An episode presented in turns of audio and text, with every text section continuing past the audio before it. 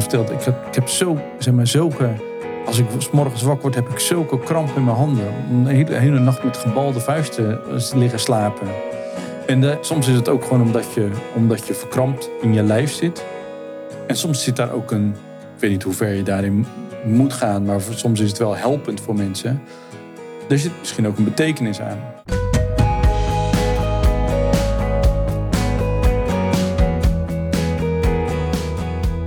Je partner overlijdt. Hoe ga jij verder in je eentje? In mijn podcast Widow Talk interview ik weduwen en weduwnaars. We praten over alle facetten van ons verlies, de effecten daarvan en hoe we het leven weer op kunnen, nee, moeten pakken. Ook spreken we met bedrijven en andere experts die nabestaanden helpen hun leven weer op orde te krijgen. Met Widow Talk lever ik support voor jou na het verlies van je partner. Welkom, fijn dat je luistert.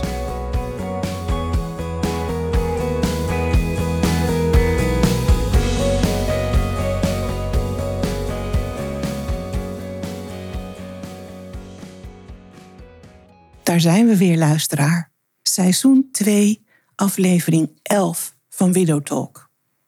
Vandaag heb ik weer een hele leuke gast voor jullie. Wouter van der Toren van Bright Elephant. Wat is nou Bright Elephant? Niet te verwarren met Pink Elephant, een bedrijf dat veel mensen ook wel kennen. Bright Elephant is een bedrijf dat in 2019 is opgericht door Sandra Jongenelen, Wouter van der Toren en Richard Jongenelen. En de missie van het bedrijf is om dood, verlies en rouw meer bespreekbaar te maken. En ze willen ook mensen helpen bij de nalatenschap, om die bij leven zorgvuldig vast te leggen en antwoord te geven op de vraag: wat wil jij achterlaten? Vandaag gaan we niet zozeer in op de nalatenschap, misschien af en toe een beetje, maar gaan we meer in op het idee van de rauwheid van rouw. Hoe gaan we ermee om? Hoe leren we daarmee leven? Hoe omarmen we dat soort van in ons leven en lopen we er niet voor weg? Dat is dan weer even mijn eigen vertaling, maar dan gaat Wouter mij vast wel vertellen of ik dat goed zeg of niet. Sandra en Wouter hebben ook een mooi boek geschreven van missen krijg je het koud. En wat rouw nog meer met je lijf doet. De biologie van rouw. Ik noemde dat altijd de chemie van rouw, maar ik heb van Wouter geleerd dat dat de biologie is. We zijn nooit te oud om te leren, luisteraar, maar daarom luister je ook naar ons. Nou, Wouter, ik denk dat ik al heel veel gezegd heb. Heb ik je een beetje goed geïntroduceerd? Ja, ik denk het wel. Ja, we hebben altijd uh, in ons bedrijf, we hebben het over twee stukken van het bedrijf. Aan de ene kant heel veel aandacht voor rouwen en herinneren. Aan de andere kant voor nalatenschap voorbereiden en nalatenschap afwikkelen. En in het verleden dachten we altijd dat zijn twee hele verschillende takken van sport. Dat ene, dat is, uh, ik zei dat, dan zeggen we nog wel eens, dat is de harde kant. Dat gaat over spullen en dat gaat over zaken, het gaat over geld. Dat is nalatenschap. Ja. En we hebben de zachte kant, dat gaat over rouwen en herinneren. En dat blijkt helemaal niet zo, zo, die knip blijkt er in de praktijk helemaal niet zo te zitten. Want in de praktijk merken wij dat rouwen alles te maken heeft met wat je achterlaat of wat iemand heeft achtergelaten en hoe die het heeft achtergelaten. En je kan nog zo aandacht hebben, oh, hoe voel je en hoe gaat het met je? Maar als je gewoon nog denkt, ja, er staat nog een huis die moet leeg geregeld worden. En, en oh, er was een bedrijf en ik heb geen idee hoe het allemaal zit. Dan moet je gewoon, dan kan je niet rouwen. Dan moet er gewoon geregeld worden. In het begin heb je amper tijd om te rouwen. Zoveel moet je doen. Nou ja, absoluut. En, en uh, ik vermoed dat best wel wat luisteraars de chaos herkennen waar je in terecht komt. En dat je denkt, ja, ik heb het echt nog nooit gedaan. En nu moet ik opeens allemaal dingen gaan regelen. Ja. Um, dus onze missie daarin is ruimte voor rouw gaan scheppen. Door uh, dingen uit handen te nemen. Door dingen inzichtelijk te maken en overzicht te brengen. Dat is rondom de nalatenschap. En in de nalatenschap merken we dat dat dus ook alles weer met rouw te maken heeft. Dus al die zakelijke dingen. Je komt bij een familie in rouw. Ieder met zijn eigen herinnering. En in één gezin waar de ene denkt, ik ga weer lekker werken want het helpt mij. En de ander denkt, hoe durf je om te gaan werken? Want uh, er, er, is iemand overleden. Hoe kan je nou zo vrolijk gaan zitten doen? Hè? Dus dan kom je ook weer bij de, nou ja, bijna de gebruikelijke chaos van rouw binnen een gezin. Ja. Waar mensen elkaar een beetje kwijtraken. Dan heb je het over nalatenschap. Maar je hebt het ook gewoon heel erg over dat hele menselijke rouwen, missen, iemand verloren hebben. Jezelf ook een beetje verliezen. En jezelf ook weer moeten uitvinden. Van ja, wie ben ik nu de andere er niet meer is. Dat klopt. Het loopt natuurlijk door alle aspecten van je leven heen. Het is een soort sluipmoordenaar eigenlijk. Hè? Het is eh, altijd aanwezig. En af en toe slaat het weer toe terwijl je het helemaal niet verwacht. Ja, ja. Rouwen is een heel, is een heel, grillig, eh, is een heel grillig iets. Het is ook, ook grappig dat je soms van die mensen, dat mensen dan ook reageren en zich bijna schuldig voelen dat ze een leuke dag hebben gehad. Ja, of moeten lachen. Ja, ja dat Ja. ze gewoon de eerste keer na een overlijden dat je denkt, oh, ik heb, een, ik heb vandaag helemaal niet gehuild. Ik heb, ik heb het echt naar mijn zin gehad. Ik heb iets leuks gedaan. En dan s'avonds op de bank zitten en je dan heel schuldig voelen. Ja, Het is ook, eh, rouwen is ook een heel raar fenomeen. Een heel chaotisch fenomeen. Een heel, een heel menselijk fenomeen. Want ja, iedereen eh, krijgt ermee te maken. Maar het is zo raar dat we zo moeilijk daarop ge, op zijn voorbereid. ja. Ja, omdat het geen onderwerp is dat bespreekbaar is. In Ja. de waan van de dag. In de waan van de dag. En soms merk ik ook wel dat mensen het wat lastig vinden. Omdat ze denken, zodra ik over de dood ga praten... dan roep je toch een beetje over jezelf af. Don't jinx it. Ja. Ja. Hè, dus kijk, het leuke van de naam van Bright Elephant is... wij hebben het heel graag over de olifant in de kamer. Ja. Dat grote thema, iedereen weet dat het er is en we praten er niet over. Rouw is zo'n thema. De realiteit van de dood is er zo eentje. De chaos van rouw en eh, de ellende in familie, ruzie, elkaar kwijtraken is er zo eentje. Ja. En dat zijn ehm, juist de belangrijke thema's om wel aandacht voor te hebben. Ik vind het altijd heel leuk van ja, wij heten Bright Elephant omdat die olifant in de kamer benoemd moet worden. Als je dat niet gaat doen, dan raak je niet alleen elkaar kwijt, maar ook een beetje jezelf. Ja, ja. dat is de elephant. En, en hoezo bright? Om het positief te benaderen? Of Nou, wij, eh, eh, wij zetten daar de spotlight op. Dus Ja. wij, eh, wij gaan het er heel bewust over hebben. Ja. Het is ook een beetje gek. We hebben een, een, een voorliefde voor moeilijke thema's. Dus dat ook, ja, ik vind het ook Ja. heel leuk om... Ja, het is een beetje raar misschien. Maar ik vind het heel leuk om over, over de dood en over rouw... en over wat je achterlaat en over nalatenschappen... en over verdriet en de donkere kant van het leven. Ik hou daarvan om daarover te hebben. Is ook wel een beetje... Ook wel, als je van kunst houdt en je komt wel eens in een museum. Dat, dat, is, een, dat is een leuke opdracht trouwens. Oké, Ja, opdracht voor de luisteraar. voor de luisteraar. Ja, Maar het werkt trouwens ook bij liedjes. De mooiste kunst en de mooiste liedjes zijn ontstaan in de donkerste tijden ja, van de kunstenaar. ja. En dat stukje, die simpele gedachte, dat is toch ook een drijfveer om het steeds er toch over te hebben. Omdat in die duisternis is een bijzondere schoonheid te vinden. Dus in de duisternis van waar veel mensen bijvoorbeeld met een rouwervaring eh, heel eh, zeg maar, angstvallig de deur van rouw dicht houden. Maar als je die deur open doet, het eerste wat je tegenkomt is verdriet, eh, de confrontatie met leegte, teleurstelling en al die dingen. Maar er is ook schoonheid. Er is ook iets bijzonders. In de schaduwkanten van het leven is bijzondere schoonheid te vinden. ja. Dus ja, daar, ik- ja, de, Ja. voorliefde voor die moeilijke thema's komt ook wel ergens vandaan. Ja, dat is mooi. Dat is mooi. Wat ik zelf ervaar is dat je door verlies en rouw groeit. En weer dingen ontdekt in jezelf waarvan je denkt... hé, hey, nu ben ik hiermee bezig of nu ben ik daarmee bezig. Dat is mooi. Dat zou ik anders niet gedaan hebben. Betekent dat dat je blij bent dat je die rouw en verlies door moet? Nee. Maar je kan ook weer zien tot wat voor mooie dingen het kan leiden. Ja. ja. En toch ook is het weer geen vanzelfsprekendheid. Nee. Want je had laatst nog een gesprek met iemand die zegt: Ik was blij dat mijn moeder doodging. Maar ze kon met niemand over praten. Een vreselijke relatie met de moeder. En als je dan zegt: Ja, er is het ook altijd schoonheid in, eh, in rouw en dat soort dingen. Dat, heeft dat zit er niet. Maar alles, zeg maar, ik heb iets afgesloten en ik ben blij dat het is afgesloten, want het is één bak ellende. Ja. Dus, dus Zij werd niet meer geconfronteerd daardoor met die ellende. Ja, het was een beetje voor haar het hoofdstuk afsluiten Ja. van iets wat altijd nog open stond. En, dus, dus, en ik merkte aan haar dat ze zich wat irriteerde aan dat er altijd wel een les te halen is uit de moeilijke dingen die we meemaken. En dat Ja. willen we natuurlijk allemaal zo vertellen. Ja. En ik heb bij alles weer, leer ik steeds meer. Nee, die vanzelfsprekendheid is misschien voor heel veel mensen, maar, Maar niet voor iedereen. Nou, je hebt 80-20 Eh, regel, hè? Dat zeg ja. ik altijd. Ja, ja. En, en, en, en rouw is zo persoonlijk, Ja. zo iedereen is anders, zo binnen één gezin dat de ene en de ander dat ze elkaar gewoon niet begrijpen. Ja, het lijkt alsof mensen toch, toch een beetje te veel vastzitten in.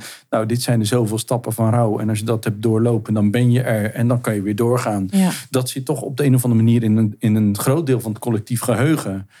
ja, En dat zo is, werkt het zo helemaal werkt het niet, joh. Want, want de ene denk je, oh, het is nog maar twee maanden terug. Het gaat eigenlijk best wel goed, zeg maar. Ja, En laatst iemand die, eh, die deed met ons, ons eh, schrijfprogramma mee. Ze vroeg eerst, "Vind- is het wat voor mij?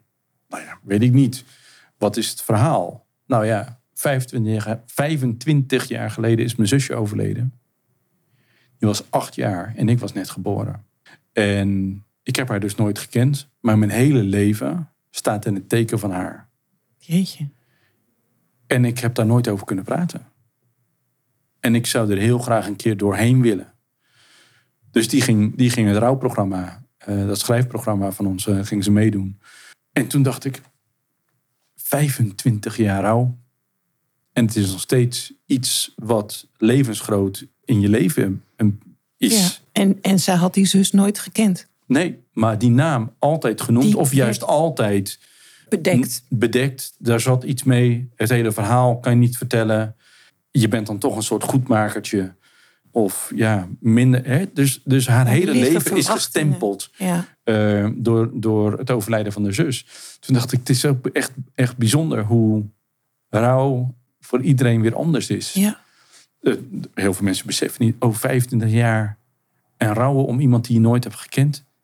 Ja, dat, zijn, dat, dat zijn twee concepten al in één, wa- waar de meeste mensen überhaupt geen rekening mee houden. ja. Ja, boeiend. Nou, ik had iets, volgens mij heb ik het dan een, verkeer, een keer verteld, de luisteraar. Ik dacht, nou, het eerste jaar, hè, dat is het. Want je doet alles voor de eerste keer zonder de verjaardag, de vaderdag, de, nou, noem maar op, kerst, oud en nieuw.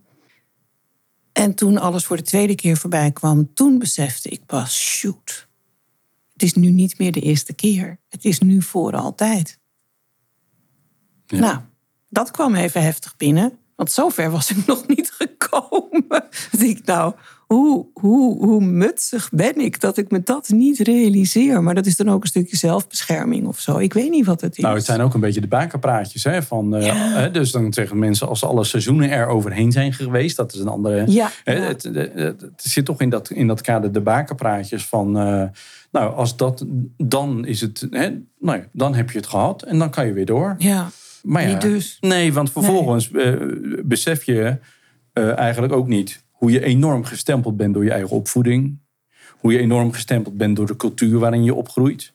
De mensen waar je mee omgaat, wat is de, wat is de code? Ja. Eh, hè, dus hoe wij rouwen en de verwachtingen daarin. Heeft weer heel veel ook weer te maken met waar ben je opgegroeid?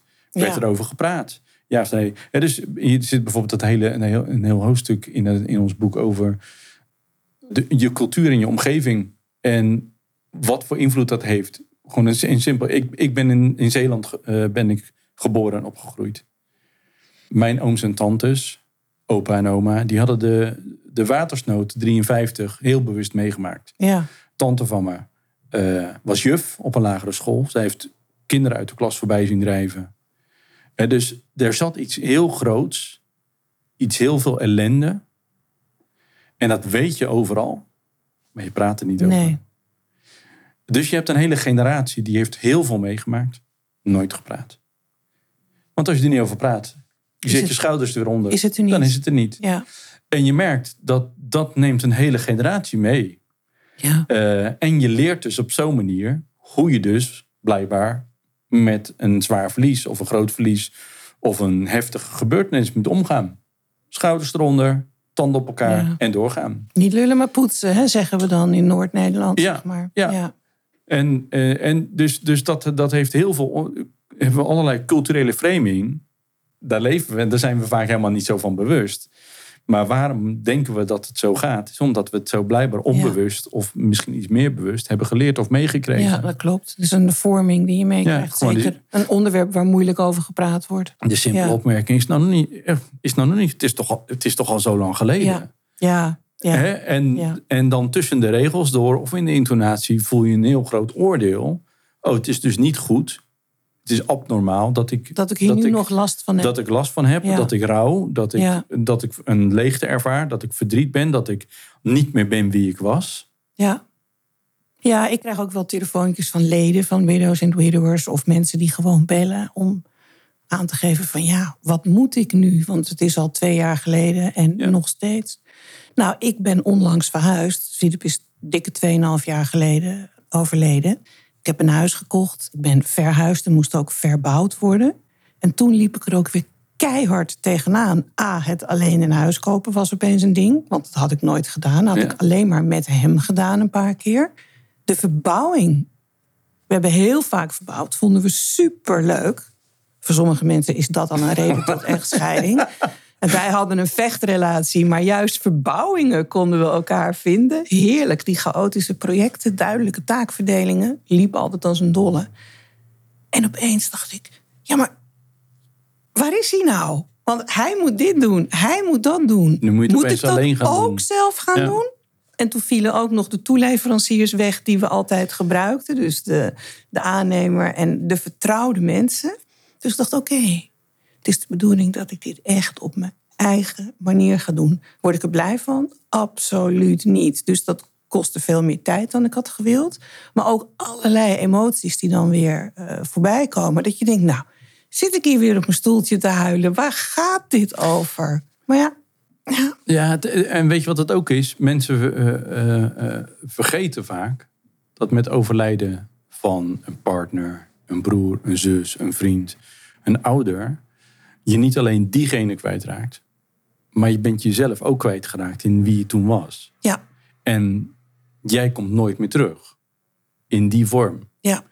Dus mensen rouwen heel vaak om het verlies van de ander en rouwen te weinig om het verlies van zichzelf. ja. En dat is een enorme puzzeltocht. Omdat mensen toch ook van zichzelf dan de verwachting hebben: dit moet ik toch kunnen. Ik kon dat altijd zo. Terwijl je, het is een belangrijk stuk, denk ik ook, van rouwen. Is het opnieuw je gaan verhouden tot wie je zelf bent. Wie ben ik eigenlijk? Ja. Nu zonder de ander. Nou, voor, voor sommigen. Hè, dus al- als je partner overlijdt, gewoon op je eigen benen gaan staan. Je eigen besluiten gaan nemen. eh, nieuwe wegen gaan bewandelen. Misschien een nieuwe liefde vinden. eh, met alle chaos van dien. Ja, je moet jezelf weer helemaal uitvinden. Wij, wij zeggen altijd, je moet jezelf opnieuw herontdekken. Ja, Want van twee individuen ben je samengesmolten. ja, Je bent nog steeds een individu, maar je, ja, als je een langere relatie hebt... dan heb je zoveel dingen waarin je toch afhankelijkheidsrelaties eh, krijgt. Je aanpast en doet. Ja. ja. en als die partner dan wegvalt, dan eh, ligt dat allemaal bloot. Ja, ja. Ja, het is heel boeiend. Ja. Maar het is ook wel heel chaotisch. Dus de chaos. Ik, ik, ik denk ook dat heel veel mensen wel chaos. De chaos van rouw. En met name in de verstilde momenten. Dus als je gewoon lekker werkt. Lekker werkt noem ik dan even. Ja, Maar als je een ritme hebt. Dat is soms een hele fijne houvast. Want het geeft even duidelijkheid aan wat moet ik doen, wanneer, waar word ik verwacht Precies. enzovoort. Hoef Ja. ik niet zelf te bedenken. ja. Maar dan die enorme opgave dat je dan s'avonds ook moet gaan koken. En dan gaan zitten bedenken wat je gaat koken. Oh. Maar daar hebben we HelloFresh voor. Of eh kaartje bezorgd of weet ik veel wat. Maar Ja. nee, dat klopt. Ja, Want dan moet je echt heel specifiek gaan eh, nadenken. En Ja. creatief zijn. En dat is lastig ja. in rouw.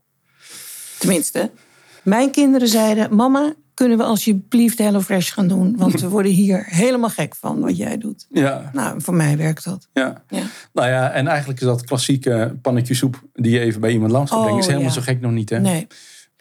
Nou, ik kookte nooit. Philip kookt altijd. Dat, dat hele verhaal leg ik uit in een andere aflevering, luisteraar. Dus dan moet je maar even naar seizoen 1 ergens gaan. Maar mijn kinderen gingen naar een internationale school. En ik heb toen twee maanden lang een meal train gehad. Dus mensen konden inschrijven op een dag. En iedere dag, dat was nog in coronatijd... werd er eh, rond zes uur een grote doos of een grote plastic zak voor de deur gezet. En daar zat eh, heerlijk eten in. Twee maanden lang nog nooit zo goed gegeten. Ja, ja. ja. Ja, en maar- dat was goddelijk. Dus na twee maanden dacht ik, waarom stopt het nu al? Dit kan Ja. wel een jaar doorgaan. Ja. Maar dat was niet de bedoeling. Ja. Maar het, het, het is gek, hè? Zeg maar, hoe, hoe belangrijk zoiets dan toch is. Ja. eh, en hoe enorme kopzorgen het kan geven als het niet geregeld is. Ja. Ja. Ja. Dus dit is trouwens ook een, een belangrijke tip. Want ik, ik heb het gevoel, een rouwende vindt het soms lastig om, om te bepalen... wat heb je nou nodig in die tijd. Klopt. En je hebt een, echt een omgeving die heel graag wil. Die echt wil helpen. Maar gewoon niet weet hoe.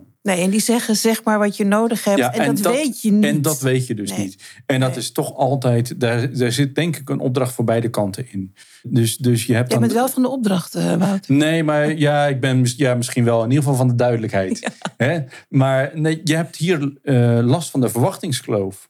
Aan de ene kant heeft een rouwende, want ik heb echt wel zo mensen die, die dan even hun hart bij me moeten luchten. En die denken, ja, maar mijn familie dit en eh, mijn buren dat en mijn collega's zus.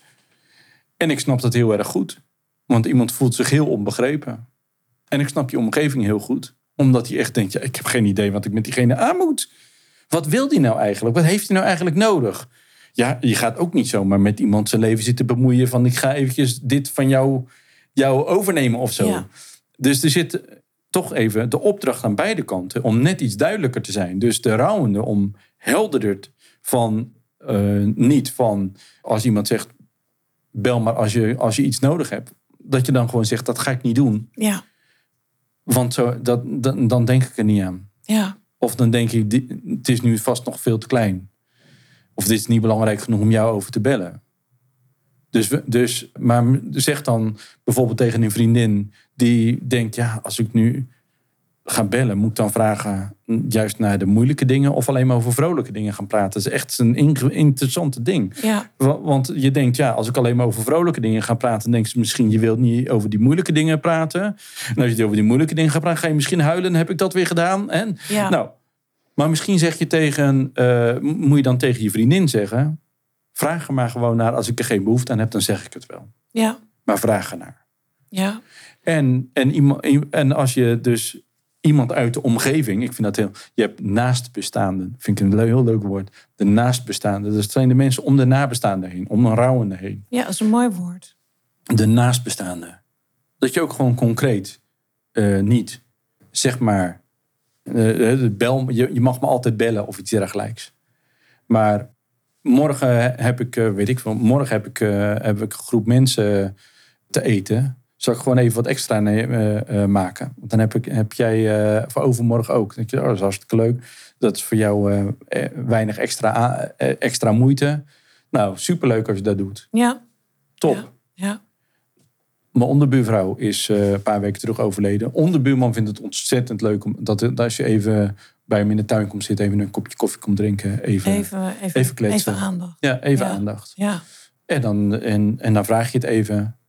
En even, het, het is vaak niet dat hele grote. Maar ja, eh, ik moet dan ook over die drempel heen. Dat je af en toe wel vraagt, lukt het nog?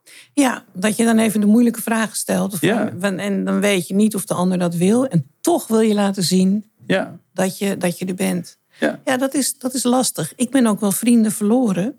Want die, die, som- sommige mensen no- nodigen je wel uit, andere mensen juist niet. Hè? Want die willen de dood dan ook niet in de, in de gezelligheid van hun huis halen, zeg Ja. maar. Maar, en dan reageerde ik soms niet. Want je wordt niet socialer van rouw. Hè? Dat is denk ik wel een feit. 80-20 regel zal ik meteen maar weer even zeggen. Maar, dus dan reageerde ik niet. Dus er zijn echt mensen die gezegd hebben... ja, ja jij reageert nergens meer op. Dus eh, we schrappen jou uit ons eh, balboekje. Dan denk ik, ja, oké. Dan snap je er dus ook helemaal niks van. Dus laat dan ook maar.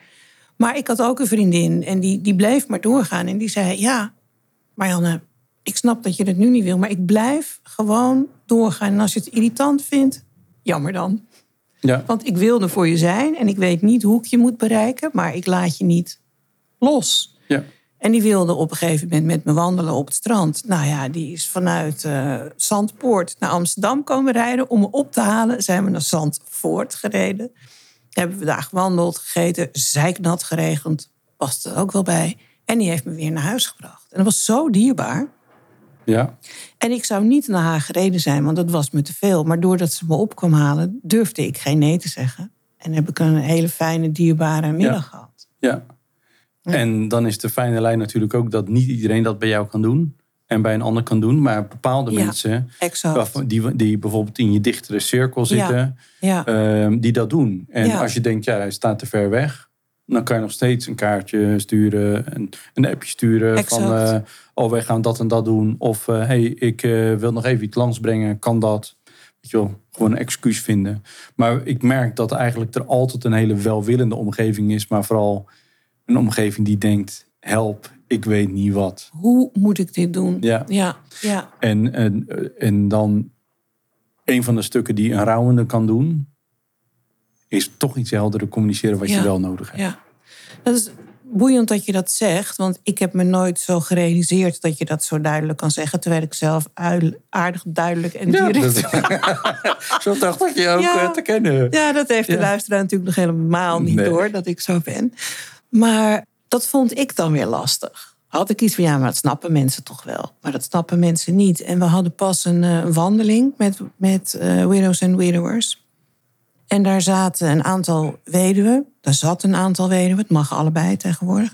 Ehm, en de een was drieënhalve maand weduwe. De ander vier maanden en de ander zeven maanden. Dus dat waren allemaal mensen die relatief kort Prille, geleden... prille rouw, ja, ja. Hun partner waren verloren. En een van die dames zei ook van... eh, als mensen zeggen, bel maar als je wat nodig hebt... dan zeg ik, ja, dat werkt dus niet voor mij. Dat kan ik niet, want ik weet niet wat ik nodig heb. En op dat moment doe ik dat ook niet. Dus als je me wil helpen, dan moet jij contact met mij houden. En dan kom jij met voorstellen naar mij. En dan kan ik Ja. daar iets over zeggen. Maar Ja. ik ga niet uit mezelf contact opnemen. Dat, dat, dat, dat werkt niet. Nee? En toen dacht ik, oh ja. Nou leer ik iets van jou. Ja. Hoe mooi is dat? Ja, en dan zeg jij het Ja. ook nog eens een keer. Dus dit is echt waar, luisteraar. Ja, En niet alleen omdat ik het zeg. nee. Ja, leuk. Ja. ja, ja. Boeiend. Kan jij iets vertellen over de biologie van rouw? Ja, biologie van rouw. Nou, laat ik dan eh, even beginnen met dat. We hebben een boek geschreven. En dat boek hebben we geschreven omdat het er niet was. Ja, dat is natuurlijk logisch. hè, Dat boek is er niet. Nee, maar omdat wij merkten. Iedereen herkent het. Doodop zijn. Moe zijn. Beetje kwaaltjes in zo'n tijd van rouw. Een beetje lage weerstand. Vergeetachtig. Ja, En, en al die dingen. ja, Eh, dus, eh, en, en letterlijk, zoals de titel van ons boek zegt, van missen krijg je het koud. Het fysiek gewoon zo koud hebben. Vier dekens over je heen gooien en nog steeds koud houden. Hoe komt dat? En we- dit heeft ook met onze cultuur te maken. Dus heel vaak denken wij, als je rouwt, dan moet je erover praten. ja. Hè? Ja? En, en, en als we en dan hebben we psychologen en, hebben en, ja en- rouwcoaches. ja, ja, dan gaan we praten. En dan gaan we praten hoe jij je voelt en hoe jij je eh, vindt. En, En daar word je en- beter van. en daar word je dan beter van. En voor een deel moet je daar aan de slag. Maar we vergeten dat ons, ons lijf altijd meerouwt. Ja, En wij merkten daar is veel te weinig over, over bekend. Terwijl iedereen het herkent.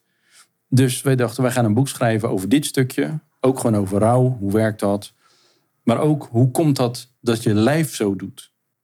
En eh, een belangrijk stuk van de biologie van rouw is dat ons lijf is, we zijn een magisch wezen. En dat vind ik altijd zo fascinerend, zeg maar, hoe alles met elkaar samenwerkt. Hoe ons hoofd, ons lijf, alle stofjes in ons lijf, hoe dat allemaal eh, samenwerkt en ook allemaal een functie heeft. ja, Als je schrikt, eh, een van de dingen die we ook noemen last hebben van een schriklichaam.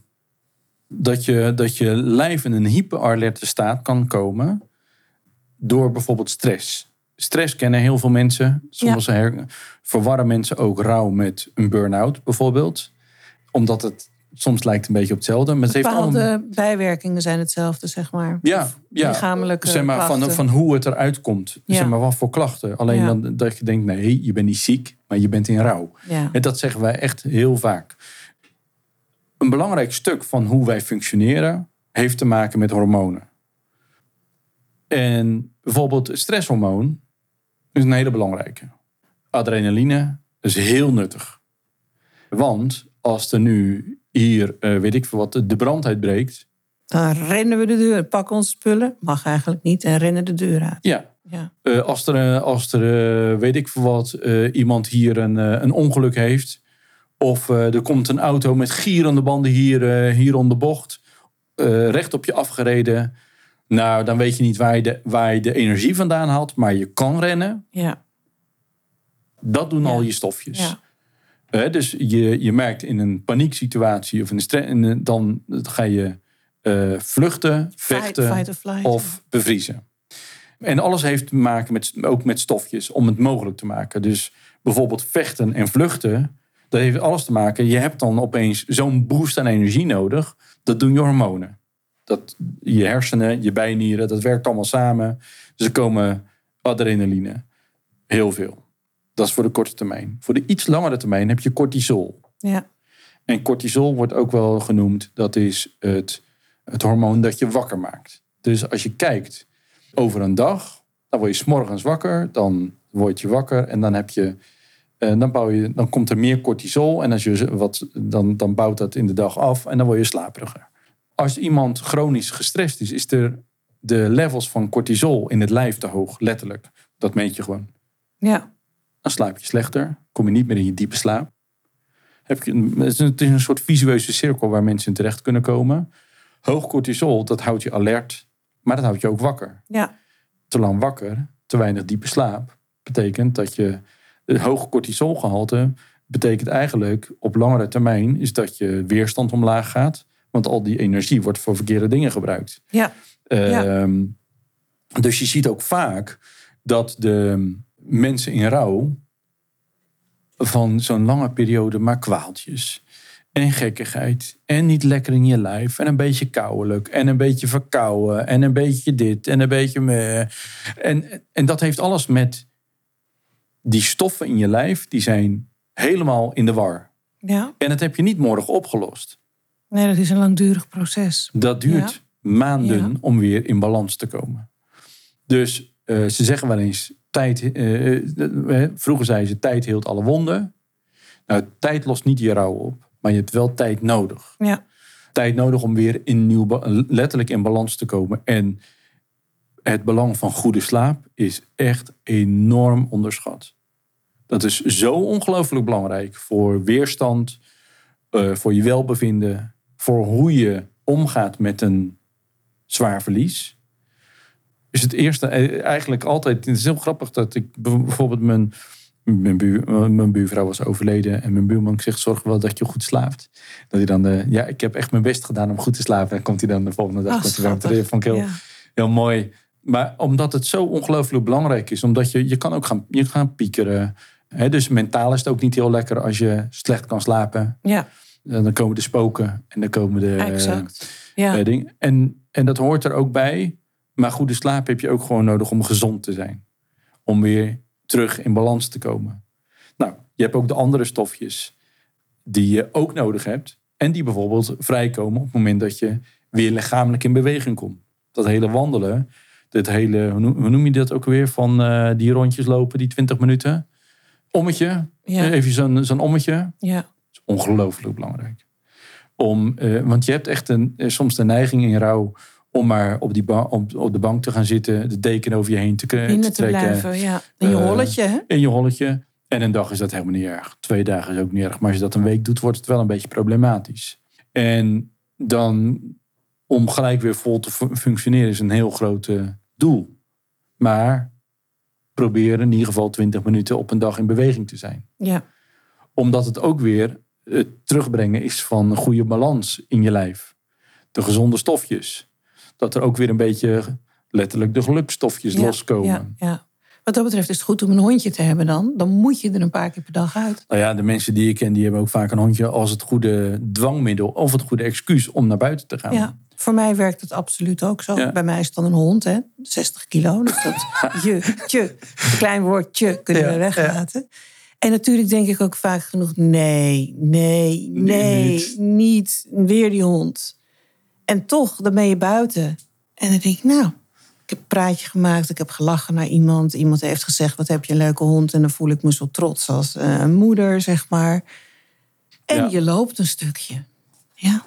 Ja, en, en dat heeft, dan bouw je langzaam, alles heeft ook daarin de tijd nodig, maar je bouwt wel langzaam weer aan ritme, aan gezond. En dat rust en regelmaat, het is heel ouderwets, maar dat is echt best wel heel belangrijk. Dus dus dat, dat hele stuk van weerstand verlaagd, het niet lekker in je lijf voelen, ja, dat, dat is ook een soort donkere visuele cirkel. Dat mensen denken, ik voel me al niet lekker. En als je dan ook nog kwaaltjes erbij krijgt, en het is ook nog een beetje meh, dat je je daardoor nog slechter gaat voelen. Ja. Dus het is, hoe, hoe doorbreek je dat stukje? Nou ja, dat is, een, eh, dat is een, een, toch echt een belangrijk stukje Ja. als het gaat Ja. over de biologie van rouw. ja. En, en ook e- echt wel een stukje wat ik, wat toch vaak mensen verward hebben, is dat ze denken: ik ben in een burn-out terechtgekomen. Terwijl je niet in een burn-out bent terechtgekomen, maar je bent gewoon in rouw. En je hebt het niet herkend als rouw. Ja. Ja. Ehm, Herkend en erkend. ja, omdat heel vaak, en dat is toch een, ook een, een stukje dat we altijd maar denken dat eh, rouw is een ziekte die je moet oplossen. Waar je een pilletje voor nodig hebt en dan kan je Ja. weer doorgaan. Terwijl rouw, eh, moet je je voorstellen dat als we niet rouwen, nou dat is heel ongezond. Ja. Maar ja, we willen het dan ook wel heel efficiënt in onze samenleving natuurlijk doen. Oké, maar het moet niet te veel tijd kosten en we moeten er ook weer niet te veel last van hebben. Nee, we kunnen ook niet te veel ziekteverlof op het, op het werk hebben. Nee, collega's. en, en dan moeten we daar natuurlijk, dan willen we daar natuurlijk ook nog iets helemaal officieel voor gaan regelen. Terwijl, ja, wat jij nodig hebt en wat ik nodig heb, dat zijn ook twee verschillende dingen. Ja. Misschien heeft de ene op de korte termijn vooral iets nodig en de ander denkt, laat me eerst even deze tijd doorkomen. Om later gewoon ruimte te vinden en dan soms een beetje te crashen. Ja. maar, in je rouw te crashen. Ja. En dat kan soms heel onverwacht. Dat zullen mensen ook herkennen. Dat dat op hele rare momenten komt. Dat je denkt, oeh, die had ik niet zien aankomen. Nou, van jongeren hoor je vaak dat ze het nog eh 10, 20 jaar later eh, tegenkomen. Hè? Ja, ja. Ja, ook om, om te realiseren. Dus dat er, dat er eh, soms van die momenten dat je opeens realiseert, na vele jaren, waarom is die er niet meer? Ja. Dit had ik niet alleen mee moeten maken. Ja. Eh, ja.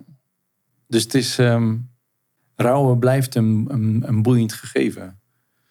Ehm, ja, en er is voor een deel een blauwdruk voor te geven. Maar het is niet zo dat die op iedereen van toepassing is. Op die manier. Eh, nee, nee. Trouwens, als het gaat over, die, over die, ehm, de biologie van rouwen, een van de dingen die al die, zeg maar, die onbalans in je lijf veroorzaakt, is vaak ook toch ook klachten. Dus ik zei dat hele, zeg maar, een beetje, beetje grieperig en dat soort dingen, zo'n zo'n zo'n fase.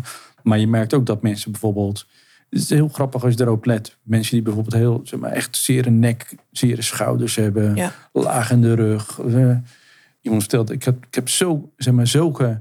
Als ik 's morgens wakker word, heb ik zulke kramp in mijn handen. Om de hele, hele nacht met gebalde vuisten eh, liggen slapen. Ja. En soms is het ook gewoon omdat je, omdat je verkrampt in je lijf zit. En soms zit daar ook een. Ik weet niet hoe ver je daarin moet gaan, maar voor- soms is het wel helpend voor mensen. Er zit misschien ook een betekenis aan. Dat als je gewoon zeg maar, zo vast zit in je nek. Je hebt misschien ook een hele last te dragen. Hè? Ja. Dus dus dat, dat, dat, dat op een gegeven moment zeg maar, zo, dat, dat die nek helemaal vast gaat zitten, is misschien ook helemaal niet gek. En, en dat je helemaal verkrampte handen hebt. Ja, misschien moet je iets loslaten en kan je het Ja. niet loslaten. Precies, die verkrampte nek, dat kan die rugzak zijn die je dan eh meetorst met alle verdriet en alles wat Ja. erin zit. Ja, ja, ja. Nou, ik, ik zing amateur. En mijn stem is veranderd sinds de dood van Ja. eh, Philip. De stress is echt op mijn strot geslagen, zeg Ja. maar. Eh, dus wat schorder. Eh, en dat merk ik met gewoon praten ook. Eh, dus bepaalde manieren van zingen zijn echt een stuk lastiger geworden nu. Ja. Ik ga ervan uit dat dat wel weer overgaat. Ik heb morgen weer een zanglesje, dus ik ben benieuwd. Maar, en ik denk, dacht, maar wat is er toch met me aan de hand? Waarom kan ik dit niet meer? Tot het kwartje viel. Oh ja, nou dan moet ik dus ook niet forceren. Nee, nee. Nee, en, en we zijn wonderlijke wezens. Hè? Dus, dus eh, alleen, niet alleen ons hoofd rouwt, maar ons lijf rouwt ook. En hoe we in ons lijf ons bevinden. Dus de coronatijd is bijvoorbeeld ook een hele gekke tijd geweest. Er, er kwam bijvoorbeeld vaak het, de term huidhonger Ja, voorbij. ja, die heb ik nog nooit zo vaak gehoord als sindsdien. Ja, Ja, omdat Ja. mensen opeens zich bewust eh, werden van... er zit een soort basale behoefte om aangeraakt te worden. ja, En in rouw is dat bijvoorbeeld ook. Kijk, een menselijke aanraking heeft ook weer met geluk en geborgenheid te maken. Dat moeten missen en troosting. en troosting. En, Ja. en dat moeten missen, dat maakt, ja, dat, dat zorgt ook weer voor een meer opsluiten in je eigen lijf. Het is, altijd, het is ook wel een beetje zo'n onbesproken thema. Hè? Zeg maar Ja. de behoefte van eh, nabijheid van de ander, behoefte aan aanraking. Ja, Als de ander er niet meer is, dan mis je niet alleen de ander in wie die is, maar ook gewoon een lijf naast je. ja, Het is toch lastig om het daar ook over te hebben. Maar ook je lijf mist. ja. Ja, dat is, eh, dat is gewoon een feit. Ja. Ik kan wel met vriendinnen zeggen: Oh, mag ik gewoon even een lekkere knuffel? Gewoon even lekker Ja, een minuut tegen je aanstaan. En dat is dan eigenlijk een beetje ongemakkelijk. Hè? Ja, Want een, een knuffel, nou ja, een oppervlakkige knuffel duurt één seconde misschien, of Ja. twee. ja. Dus als je tien seconden staat, dan denk je al van... Mm. Oké, dit is genoeg geweest. Maar het kan heel lekker zijn om je daar even aan over te geven... zonder dat daar wat dan ook bij zit. Maar dat voelen. Ja, toen wij, eh, toen, toen wij, dat was alweer een, een poosje terug, toen wij een lezing gaven over dit boek en over het thema. Dat was heel grappig. Er zat in die groep twee soorten, en je hebt heel vaak, er komen er iemand in rouw met een plus één. In de, de plus één, eh, een, een, een goede vriend of een... Ja, eh, ja, de, eh, de- ja, die gaat mee. een begeleider, zeg maar. Begeleider, ja. Ja. In ieder geval, maar, maar bij sommige mensen zie je wie van de twee de rouwende is. Dat zie je gewoon fysiek. Ja, Op een gegeven moment, als je het door hebt, dan weet je hoe, hoe het werkt. En er zat een, zat een mevrouw, die zat in de, en die zag je gewoon alsof ze in een soort harnas gehesen was. strak. Strak, opgesloten in het lijf. En dat, zeg maar, de zorg, met zorg aangeraakt weer worden in rouw, is toch een moeilijk thema. Serieus, dat is een, dat is een lastig thema, heel erg nodig. Dus bijvoorbeeld een thema als rouwmassage. Ik wou Zorg- net zeggen. Ja. Ja, ja. is, is een ontzettend belangrijke, of gewoon massage, dus niet eens per se door een rouw eh, masseur Ja. of een masseur met, met, kan ook gewoon zorg voor je lijf Ja, eh, zijn. ja. Onderhoud. Eh, ja. onderhoud. In die groep, dus je, je zag haar gewoon echt dat ze denkt, oh wat jullie vertellen, ja ik moet het nog maar zien. Maar ze zat in die, in die groep en dat vond ik echt heel grappig. Ja, ik heb, eh, ik heb een maand geleden had ik jullie boek gekocht, vertelde ze. En ik ben gaan doen wat jullie hebben gezegd. Dus ik ben naar een masseur geweest. En ik ben nu de derde keer geweest en ik weet niet wat me overkomt. En je zag gewoon fysiek in het lijf van de een en de ander. was een heel grappig eh, even gesprek tussen die twee vrouwen in de groep. Waarbij de ene nog in het harnas zat en de ander een weg had gevonden om toch een beetje dat harnas van zich af te werpen. Ja, en meer vrij te Eh, zijn. Door zorg voor het lijf te krijgen, eh, te hebben. Ja. Boeiend. Ja, en Ja. Maar het is toch gek, want ik had ook nooit de, zeg maar, het advies gekregen van ga nou eens goed voor jezelf zorgen. Ja, dat voelt toch heel erg on-Hollands. Terwijl gewoon dat je lekker naar, of naar een sportmasseur gaat. Die gewoon zo- zorg heeft voor je lijf. Ja. En je lijf aanraakt. En onderhoud voor je lijf heeft. Omdat het ook een, een heel fundamenteel behoefte is die we als mens hebben. Ja.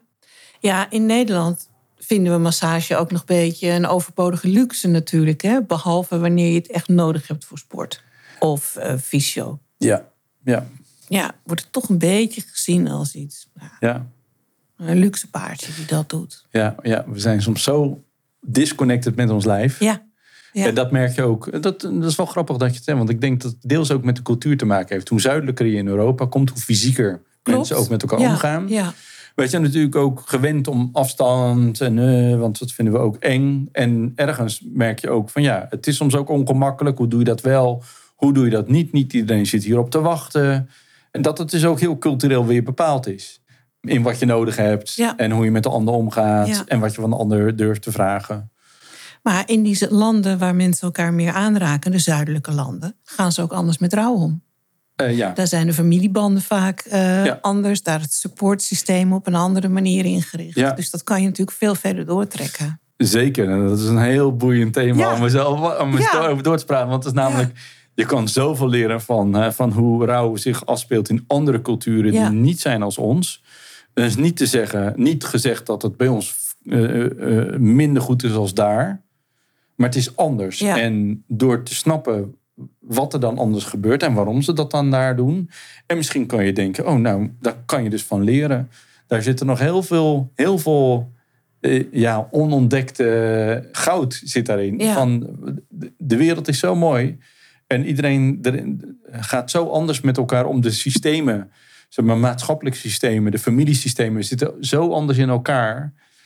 Ja, we hebben gewoon een eigen uitdaging in Nederland. Er zijn zoveel alleengaanden in Nederland. Er zijn zoveel mensen die. het, eh, Gewoon, er zijn zoveel mensen eenzaam. Ja, Rouwen in eenzaamheid. ja dat is natuurlijk. eh, Maar je komt het zo vaak tegen. ja. Dat is ook een soort maatschappelijk eh, probleem. Die meer hier plaatsvindt als in. eh, in, laten we het even heel grosso modo zeggen, de zuidelijke culturen. En wat meer Latijnsachtige culturen. Hoorden jullie dat, luisteraar? Dit is een woord wat ik vandaag ook van Wouter geleerd heb. Alleengaanden. Om niet het woord alleenstaanden, omdat dat een wat negatieve associatie heeft. Maar alleengaand. Ja. Nou, je gaat alleen door het leven. En niet altijd uit eigen keuze, maar sommige mensen doen dat wel uit Ja. hun eigen keuze. En Ja. Dat is wat het is. Het is wat het is. Ja. ja, ik vind het een mooi. Ik wou hem nog even benadrukken, want je zei hem zo snel. Ik dacht, nee, die laten we niet zo passeren. Ja. ja. Ja, mooi. Wat zijn nou de vragen die jij het meeste krijgt van mensen die jou bellen of die Bright Elephant benaderen? Als het gaat over rouw, Ja, wanneer is het over? ja, Dat is echt vraag nummer 1, 2, 3. Ja. Mensen denken echt, gaat dit ooit voorbij? Ja. moet ik hiermee. ja. Zie je daarbij verschillen tussen mannen en vrouwen?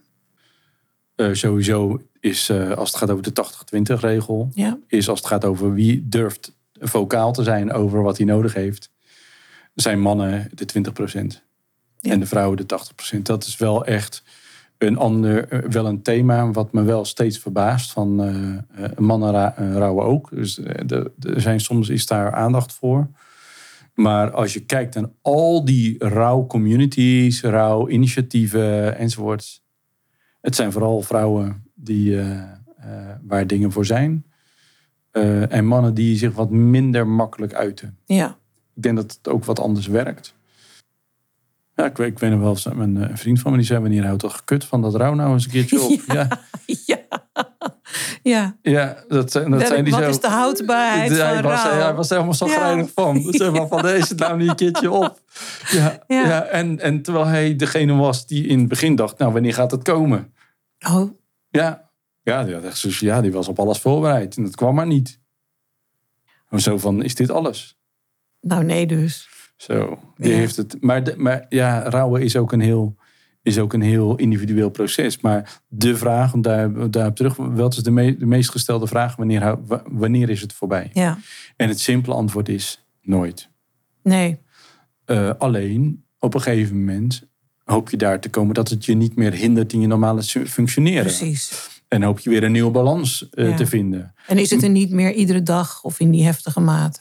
Nee, maar het, het is wel iets wat bepaalt wie je bent. Ja. Eh, waarom je doet, waarom je doet. eh, de dingen doet, waarom je doet, waarom je dingen... Waarom dingen triggers zijn, waarom andere dingen geen triggers zijn. Dus, dus rouwen is... Het is, ja, het is toch gek dat, dat, dat, dat er nog steeds programma's zijn die dan... Nou, als je nou dit doet, dan, is er, dan kan je rouw kan je achter je laten. Dan heb je rouw verwerkt. Dan is het voorbij. Want is rouw slecht? Nee, maar rouw kan wel heel vervelend zijn als het je functioneert in je, norma of het in je normale functioneren enorm hindert. Ja, Eh, maar dan is niet de oplossing om maar het negatieve te vergeten. Het, is ook, het maakt ook wie jij bent. Zeg maar, Precies. Eh, het vormt je. Marianne zonder, eh, zonder rouwervaring is Marianne niet wie, wie Marianne nu is. Nou hadden wij in ieder geval niet nu aan tafel Hadden wij niet aan, nee, ik Nee. vond dat we elkaar niet waren tegengekomen. Maar het is, dus, het is ook een onderdeel van. Het heeft mij gebracht eh, waar ik nu ben. Ja. Dus overlijden van mijn zusje, 20,5 jaar geleden. Dat, heeft, dat maakt mede vandaag wie ik ben. Ja. Vandaag. Ja, Daar ben ik me heel bewust van. Ik kan me ook op een gegeven moment kan je ook moeilijk voorstellen hoe het leven zou zijn gelopen als dat niet Ja. was gebeurd. ja, dus ja, wat is dan het doel van je rouw? Dat, je, dat het dan dat, dat stukje vergeten kan worden? Nee, want het is onderdeel van je pad. Alleen waar mensen heel vaak wat ze ten diepste het last van hebben, is de pijn, is de chaos, is het niet grip hebben op jezelf, het weer op zoek gaan naar je, wie ben ik eigenlijk? ja, dat stuk. Maar ja, in de, eh, zeg maar de diepte van de rouw is het soms echt dat je mensen zo ja, gewoon de weg kwijt ziet zijn. Gaan we niet weten vooruit, achteruit, links of rechts. Gewoon niet weten waar je aan toe bent. Niet weten of het ooit beter gaat. En dat zijn ook hele, echt wel ingewikkelde perioden waar mensen toch ook doorheen moeten ja, leven. ja. En er is geen shortcut. Nee, nee want die, die werkt maar tijdelijk, hè? Ja, die werkt tijdelijk. Ja, dan dat je denkt, ik vergeet het eventjes. Ja, Ja. dan komt hij daarna met als een boemerang komt Komt hij weer terug. wel- ja. misschien nog wel harder, eh, nog wel harder Ja. terug. Ja. Nou ja, ik merk zelf ook nog wel van die, die tijden van ineffectiviteit, ineffectiviteit of apathie of wat dan ook. En dan denk ik, wat zit ik nou lui te wezen en waarom doe ik dit? Ja. Maar dan denk ik, nou ja, dat zal ik nu wel even nodig hebben. ja, maar niet iedereen kan zo denken. En zeker als je omgeving ook niet je daarin faciliteert. Is natuurlijk voor heel veel... Dus het andere stukje, dat is niet per se een vraag... maar wel wat mensen communiceren... is dat ze zich heel eenzaam voelen in hun rouw. Ja, Heel onbegrepen. Binnen een gezin, binnen werk, bij de club. Die vrienden kwijtraken omdat die gewoon, ja, volgens mij zei het er net ook. Ja. Ja. die zitten niet te wachten op jou eh, om de dood in het feestje te krijgen. klopt. Je wordt een stuk minder uitgenodigd. Je Ja. bent minder gezellig. Ja, je bent minder gezellig. En in nood leer je vrienden kennen, gaat daar dan toch echt wel op. Ja, En soms heb je ook periode, eh, vrienden voor een bepaalde periode. Die, eh, Ja. hè, dus eh, die kunnen ook langs zij komen voor een periode dat je het nodig hebt. En dat moeten we ook oké vinden. ja, Eh, dat moet je leren accepteren. Maar in tijd van rouw valt dat extra rouw op je dak, natuurlijk. Ja, ja, Ja. nee, dat is zo. Ja, ja maar, maar de eenzaamheid, kijk, eh, rouw is wel iets wat je alleen moet dragen. Hè? Dus dat Ja. is iets, een stuk wat je maar eigenlijk niet alleen zou hoeven doen. Nee. Nou, en daarom zeggen wij dat praten met lotgenoten. Ja. eh, of wat, wat, wat jullie dan ook doen vanuit een eh, expertise, maar ook ervaring met rouw op je Ja, eigen manier. Heel erg fijn is vanwege het begrip en aan een half woord genoeg hebben. ja, En niet de, wat wij dan altijd zeggen, de domme dingen zeggen die de buitenwereld zegt. Ervan uitgaand dat ze het goed bedoelen. Ja. Maar het kan zo rot hun strot uitkomen Ach. en zo fout bij jou binnenkomen. Ah, zo, daar, kan je ook nog eens een keer een hele uitzending over maken. Joh. Ja. Zeg maar over Ja, alles. foute opmerkingen. Oh, ja, ja, ja. En dan, en dan gaan we een soort prijsvraag. Wat is het ergste wat, het mensen hebben gezegd? Ja, oh, dat is een hele Ja, leuke. ja, ja, zo van, ja. ja, eh, ja, dus je moeder overleden. Ja, ik weet wat je voelt, want vorig jaar is mijn hond overleden. Ja, ja, ja, dat soort dingen. Ja, en je kan gek zijn op je hond. Verdriet om een huisdier is trouwens heel intens. Zeker, maar het komt heel raar over op degene die Ja. moeder is overleden. Ja, en het duurt vaak veel korter. Ja, kan ik, ik, kan, ik heb geen huisdier gehad. Ja, ik wel, Eh, veel. anders Ja. dan zilvervisjes in huis, maar dat zijn... Dat is een hele andere definitie van de term huisdier. Ja. ja. Nou, ik hoorde pas op de radio daar iets over, over verdriet van een huisdier. Dat je ook door de, alle de zogenaamde stadia van rouw gaat en dat het heel intens is. En dat heb ik met onze dieren ook meegemaakt. Maar 80-20 regel weer, want ik wil niemand op de tenen staan. Je loopt er veel sneller doorheen. En je kan ook makkelijker weer op een gegeven moment een ander huisdier aanschaffen. Ja. Ik weet ook, dat, volgens mij staat het hier ook in de kast, van eh, dan nemen we toch een ander. Ja, En dat kan dan ook daarin weer helemaal eh, fouten, zeg maar. Dat je denkt, ja, maar ik had geen trouwere vriend als mijn hond. En jij denkt, ik kan zomaar een ander kopen. ja. Wat denk Ja. je wel? Hè, dus ja. Nou ja, ik ken mensen, hun hondje was eh, s ochtends overleden. En smiddags liep er alweer een andere rond. zo. Ja. En daar kan je van alles van vinden. En voor die mensen was het hebben van die hond heel belangrijk om weer met iets anders om te gaan. Maar ja, Iedereen is anders. iedereen doet het op een manier die voor hem of voor haar werkt. Ja, en dat is een soort waarheid als een koe. Om een ander dier te, even te noemen. Maar dat vergeten we af en toe natuurlijk. Dat ook wat, Tuurlijk. wat je nodig hebt in rouw. Dat is voor de een echt anders als voor de Ja. ander. Dus ja, als je denkt. Oh, ik heb nu rouw meegemaakt. Dus ik weet nu hoe het werkt. Ga ik tegen iedereen vertellen. Daar komen nogal eens de middelmatige of slechte rouwboeken vandaan. Van mensen die hebben een keer rouw meegemaakt. Die denken, oh, dus zo werkt het. Ja, dit is het principe Dit van is het rouw. principe. Nu ga ik rouwcoach worden, want ik heb het een keer meegemaakt. Nu snap ik eh, hoe het werkt. Ja. Nee, je hebt jouw rouw meegemaakt. Ja. En dat is een hele legitieme ervaring. Eh, maar iedereen is anders. Ja. En wat ieder nodig heeft met dezelfde ervaring is ook weer anders. Ja, En over welke periode je dat nodig heeft is ook weer anders. klopt.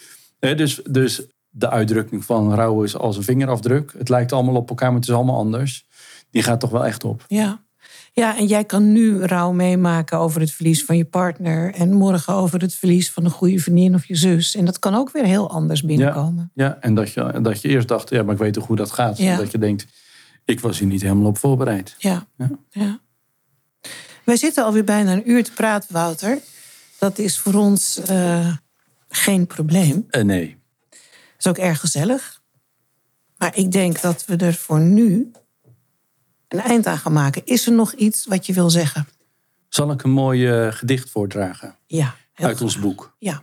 Heeft Wendy Wanders heeft dat geschreven en dat heet Rouw. Het OU of AU? AU. Oké. Rouw. Ja. Alle normale dingen zijn nu vreemd. Alle gevoelens zijn met jou gestorven. Ik weet niet waar ik je moet vinden of hoe ik je moet voelen wanneer ik moet rusten. Ik ben wakker als ik slaap. Ik ben slapend wakker. Alles voelt rouw. Nu ik rouw om jou. Nou, mooi. En zo voelden mensen dat af en toe. Ja. Ja, daar heb ik niet zoveel meer aan toe te voegen. Ik ben niet snel stil, dat weet je ook. Maar dank je wel. Alsjeblieft. Ik heb het idee dat jij nog wel eens een keer vaker te gast gaat zijn eh, in mijn mobiele, in dit geval mobiele podcast studio. Ik vond het een fijn gesprek. Ja. Dank voor je tijd.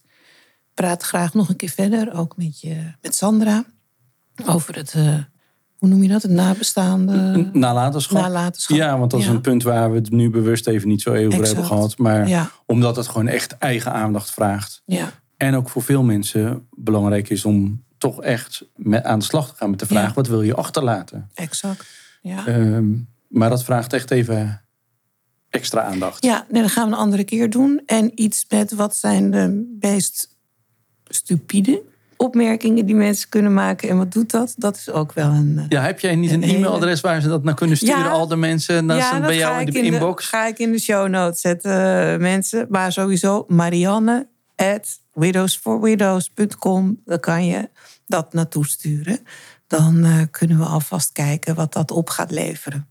En Ja. dan komen we daar nog op terug. Helemaal Ja. goed. Goed. Nou, luisteraar. Dank je wel. Dit was mijn gesprek met Wouter van der Toren van Bright Elephant. We hebben gesproken over rouw. Wat is rouw? Wat betekent rouw? Hoe beleven we rouw? Hoe universeel is rouw? Hoe standaard is rouw? Nou ja, het ging gewoon over rouw. Iets waar we allemaal bekend mee zijn. En waar we doorheen gaan en blijven gaan. En eh, met elkaar leren hoe we daar minder bang voor zijn. En hoe we dat op een bepaalde manier kunnen omarmen. En eh, inpassen in ons leven. Dus ik hoop dat je er wat aan eh, hebt gehad. En dat je alweer uitkijkt naar de volgende aflevering. Dank je wel voor het luisteren. Dank voor het luisteren naar deze aflevering van Widow Talk. Op de website widowsandwidowers.nl, zie de link in de show notes, kan je meer informatie vinden over onze support voor nabestaanden. Daar zie je wat we met widowsandwidowers.nl allemaal doen. Onze activiteiten, blogs, shop en ook een overzicht van onze eerdere Widow Talk afleveringen. We horen graag je feedback via mail en social media. Vergeet je niet je te abonneren op Widow Talk, zodat je geen aflevering mist. Geef je ook nog even een review of een rating zometeen. We stellen het ook heel erg op prijs als je Widow Talk wil aanbevelen bij mensen waarvan jij denkt dat ze er behoefte aan kunnen hebben. Dank je wel. Stay tuned. Tot de volgende keer.